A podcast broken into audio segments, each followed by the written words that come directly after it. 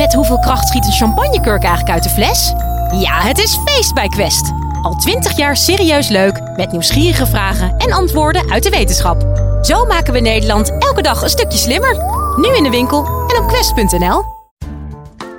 Deze podcast heeft slecht nieuws voor jou en je verse appeltje uit de supermarkt. Wat het is en hoe dat te maken heeft met de sterke afname van het aantal insecten op de wereld, hoor je van Hans de Kroon van Radboud Universiteit. Live vanuit Club Air is dit de Universiteit van Nederland. Met mijn eh, onderzoeksgroep van de Radboud Universiteit hebben we vorig jaar een studie gepubliceerd over de afname van insecten. Op basis van Duitse gegevens hebben we aangetoond dat driekwart van onze insecten zijn verdwenen in minder dan 30 jaar.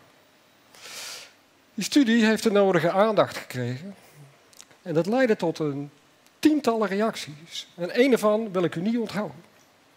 Een mevrouw mailde ons dat ze in de jaren 70 woonde in de buurt van de, een van de eerste autowasstraten in Den Haag. Als klein meisje liep ze daar rond, waarschuwde mensen dat ze de antenne naar binnen moesten eh, steken, de ramen dicht moesten doen en hoopte zo een voertje te vangen. Maar al snel bleek dat ze iets veel nuttigers kon doen. Want wat bleek, die mensen waren helemaal niet tevreden over die autowasstraat. Die auto kwam er niet schoon uit. Wat was het geval? Die grill van die auto die zat vastgekoekt met een laag insecten. En die machine kreeg die niet schoon. Dus wat deed, deze, uh, wat deed zij toen als meisje? Ze ging van tevoren die auto's langs met de spons en was flink aan het schrobben om die laag van insecten eraf te krijgen. Ook onlangs de auto gewassen van de zomer. Ook hard aan het schrobben geweest om die vastgekoekte laag van insecten eraf te krijgen. Niemand? Nee, niet een uh, spaletje erbij gepakt om uh, ze even flink uh, eraf te halen. Dat is toch een geweldig verhaal. Je kunt je, geweldig verhaal. Je kunt je toch niet meer voorstellen dat zoiets op dit moment optreedt. Ik zei al, een van de vele tientallen verhalen. Iedereen komt in één keer met zijn eigen verhaal over insectachteruit. is dat niet wonderlijk? Op het moment dat je die afname kan vangen in een getal, drie kwart afname, komen al die verhalen los. En iedereen is bezorgd. Oh, dat is misschien toch iets niet helemaal goed. Ja, terwijl minder kriebelbeestjes, geen muggensteken meer, dat is toch eigenlijk wel fijn. Nee, iedereen is bezorgd. Wat gaan we doen in dit college? Ik ga je vertellen wat die afname van insecten werkelijk te betekenen heeft. En we gaan kijken waar het aan ligt, wat we eraan kunnen doen. Maar laat ik beginnen met hoe je dat nou eigenlijk moet vaststellen, zo'n afname. Nou, uh, dat is niet zo makkelijk, want uh, de ene dag is het prachtig weer. En uh, ja, dan wepelt het van de insecten, de volgende dag regent het en je ziet er geen een. Nou, hoe doe je dat nou? Dat doe je met een lumineus idee. En degenen die dat idee hadden, waren de entomologen, de insectenkundigen, van de entomologische vereniging in Krefeld. Net over de grens in Duitsland. Wat voor idee hadden zij? Ze zeiden in de jaren tachtig, wij willen de hele insectengemeenschappen van Duitsland in kaart brengen. Niet alleen in zijn volle verscheidenheid, maar ook in de hoeveelheid insecten. Daartoe hebben ze een uh, meetprogramma opgezet met zogenaamde malaisevallen. En wat zijn malaisevallen? We zien ze hier. Uh, dat zijn eigenlijk tentjes. En uh, die insecten die dwarrelen wat rond, komen in dat tentje terecht, komen uh, naar boven toe en dan worden ze eigenlijk gevangen in die tent. Ze raken bedwelmd en worden opgevangen in een pot met alcohol die aan die tent hangt. Nou, wat er dan vervolgens gebeurt, die pot die raakt op een goed moment vol. Elke week of wat moesten ze die pot vervangen. En toen deden ze, deze mensen in Krefeld, nog iets bijzonders. Ze gingen die pot uh, leeggooien en wegen hoeveel insecten erin zat. Een soort uitlekgewicht maakten ze. Hebben ze zelf een heel protocol voor opgezet. Buitengewoon nauwkeurig is dat uitgevoerd en uh, werd het vastgelegd. En wat zat er dan allemaal in? Nou, de hele alles wat je aan insecten kan voorstellen. We zien het hier. Het is een wemeling van van alles en nog wat. Allerlei gekke zwarte vliegjes, mugjes. Allemaal van die beesten waar eigenlijk niemand naar kijkt. Die zaten daarin. Nou, goed, prachtig. Gingen voortvarend aan de slag.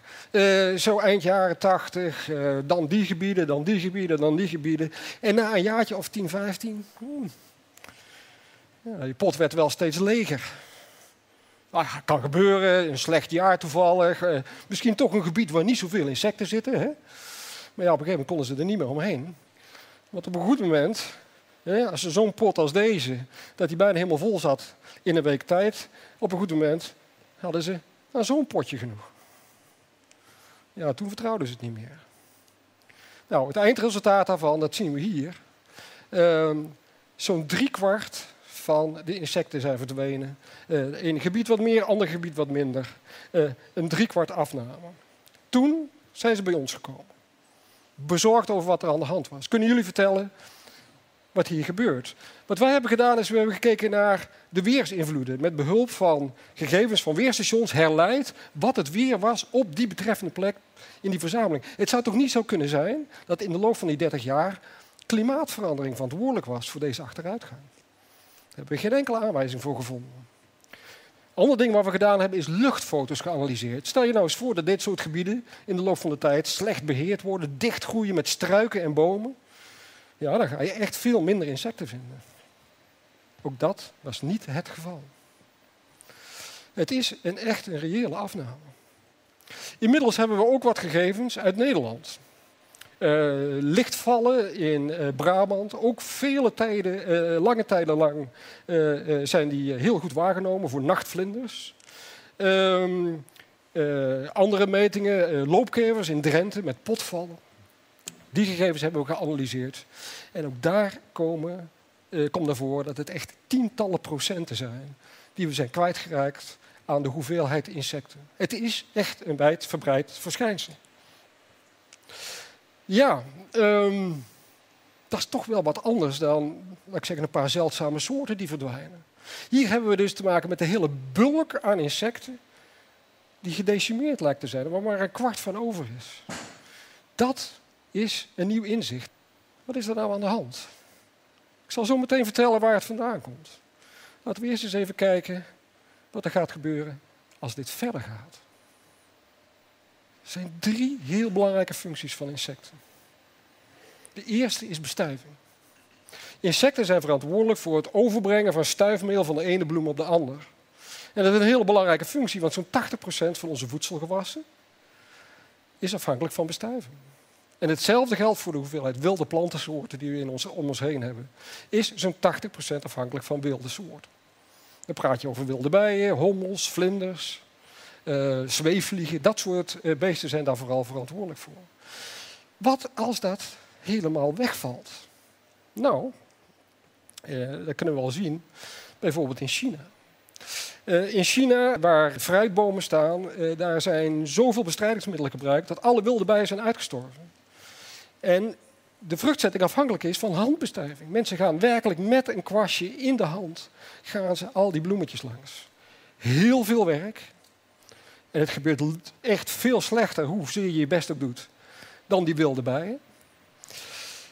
En uh, ja, uh, stel dat dit allemaal doorgaat, moeten wij dat hier ook gaan doen? Ik zie het niet gebeuren. Het is veel te duur. Dat is onmogelijk. Als dit doorgaat, betekent dat beelden zoals we nu zullen zien, uh, waarin we mooie volle schappen hebben met vers fruit, appels, peren, aardbeien, dat is echt verleden tijd. Fruit wordt een luxe product. Misschien maar zeer weinigen die zich dat kunnen veroorloven. Functie 2.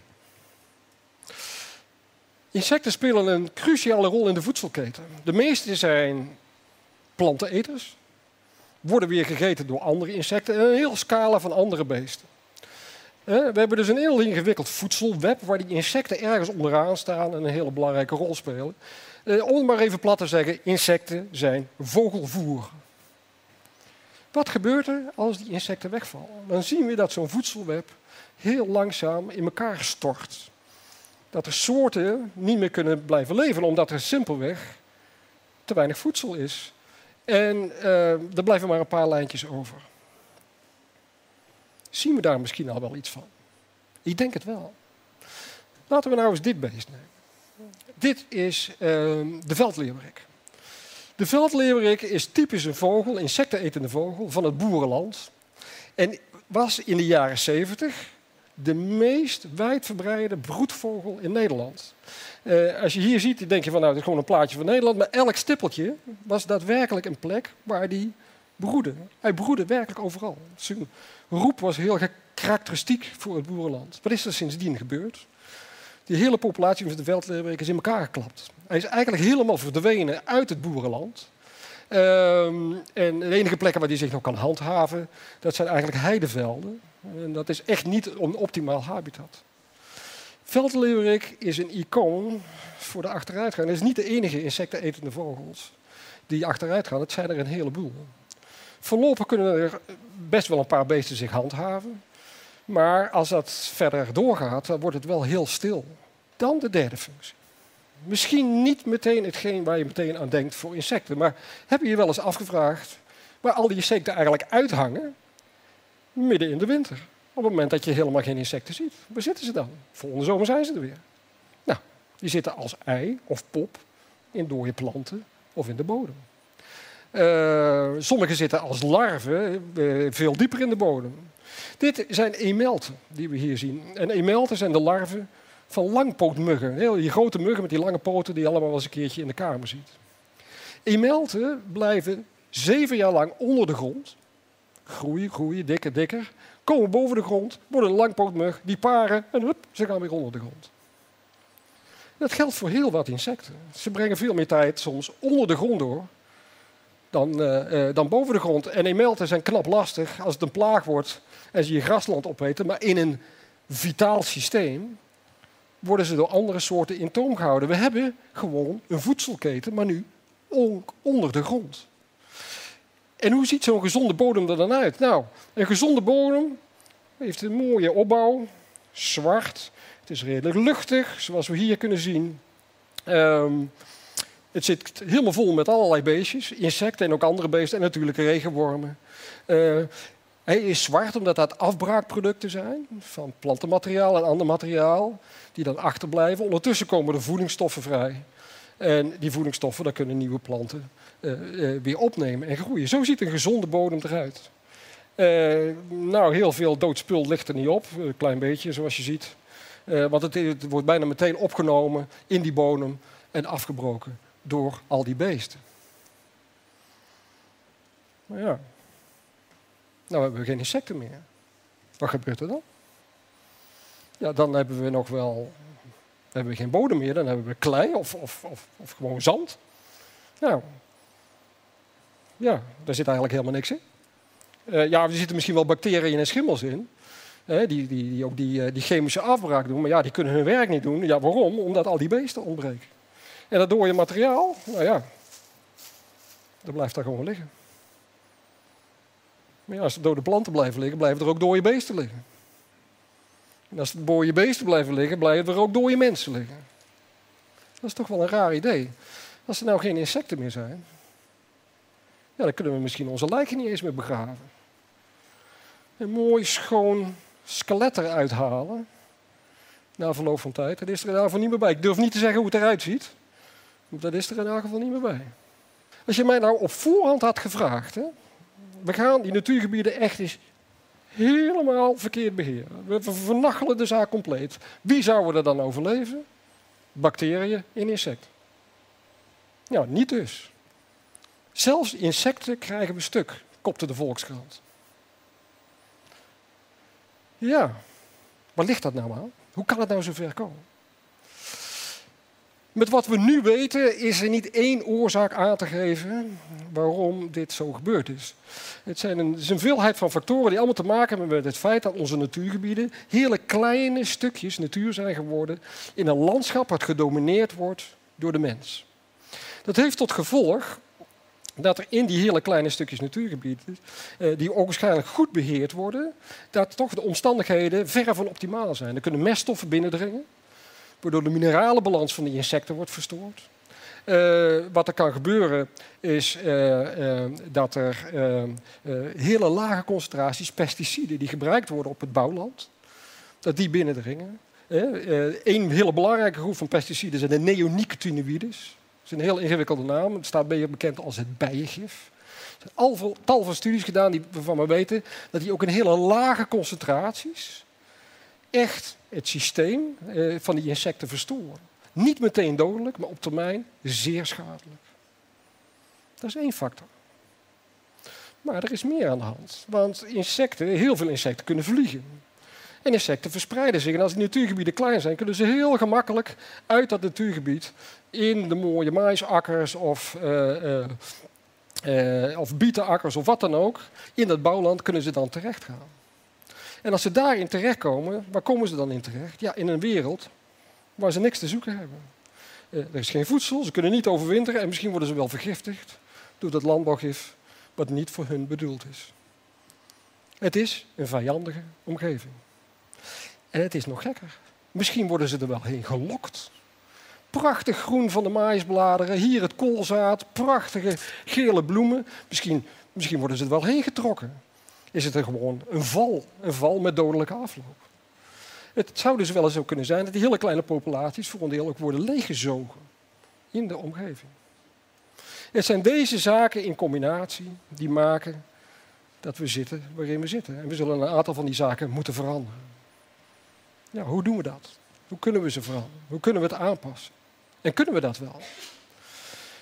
Er zijn eigenlijk twee redenen waarom ik daar zeer hoopvol over, ben dat het inderdaad kan. De eerste is dat we ons nu eindelijk lijken te realiseren dat er werkelijk wat aan de hand is. En dat er actie moet komen. En voor een deel zien we dat al. De tweede reden is dat ik weet dat ecosystemen een heel groot aanpassingsvermogen hebben. Laat ik met dat tweede beginnen. Er zijn tal van studies geweest aan ecosystemen die ernstig verstoord waren over de hele wereld. Waar, waar soorten compleet zijn verdwenen omdat uh, vissen zijn, zijn, zijn, neergeschoten of omdat uh, ze, meren of oceanen zijn leeggevist. En al die studies laten zien, op het moment dat je die omstandigheden herstelt en die beesten terugkomen, dat dat systeem zich herstelt. Dat dat uh, voedselweb echt weer zijn oude vorm kan aannemen op het moment dat de, de condities beter zijn. En welk groep van beesten heeft nou de grootste veerkracht? Insecten. Insecten hebben een groot reproductief vermogen. Hè. Ze kunnen heel veel nakomelingen in korte tijd maken, verschillende generaties per jaar. Dus als we die omstandigheden nou maar beter maken, dan gaan die insecten ook echt wel terugkomen. Dat gaat ook echt wel lukken. En ik denk dat het gaat lukken omdat er een heleboel gebeurt op dit moment. Um, in Europa zijn de drie belangrijkste neonicotinoïden in april uh, is aangekondigd dat die, in, uh, dat die in Europa verboden gaan worden. Niet meer dan een eerste stap, maar wel een hele belangrijke, dat die nu gezet is. Nu kunnen we verder. We staan aan de vooravond van een omvorming van onze landbouw. Wat er al overal gebeurt in het landelijk gebied, zijn honderden en honderden vrijwilligers die bezig zijn met de herinrichting. Die houtwallen terugbrengen, eh, bloemrijke akkerlanden terugbrengen. Om dat landschap wat mooier aan te kleden. Maar we weten ook dat dat positief is voor de insecten, wilde planten en voor de vogels. En u, uzelf. Natuurlijk kunt u zelf wat doen. Alle kleine beetjes helpen en alle kleine beestjes helpen. Nou, aan de slag. In de tuin, bloemrijke eh, bermen, in uw plantsoen, in de wijk. Daar zijn dingen mogelijk. Laat wat planten staan in de winter, want ze moeten ook die winter doorkomen. Niet vergeten. Uh, zorg dat die bodem gezond blijft. En dan gaat het echt allemaal lukken met al die dingen bij elkaar. Goed, terug naar de vraag. Hoe ziet de wereld zonder insecten eruit?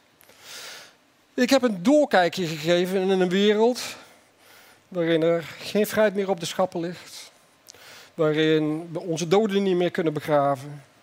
Uh, ja, zo zijn er nog heel veel meer voorbeelden te noemen, maar eigenlijk gaat een wereld zonder insecten ons voorstellingsvermogen compleet te boven. En misschien hoeven we daar ook helemaal niet over na te denken.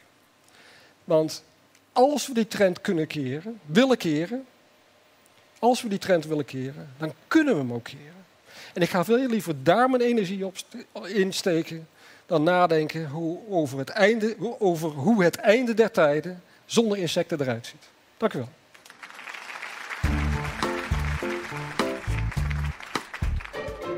Wil je nou meer afleveringen van de Universiteit van Nederland horen? Check dan de hele playlist en ontdek het antwoord op vele andere vragen.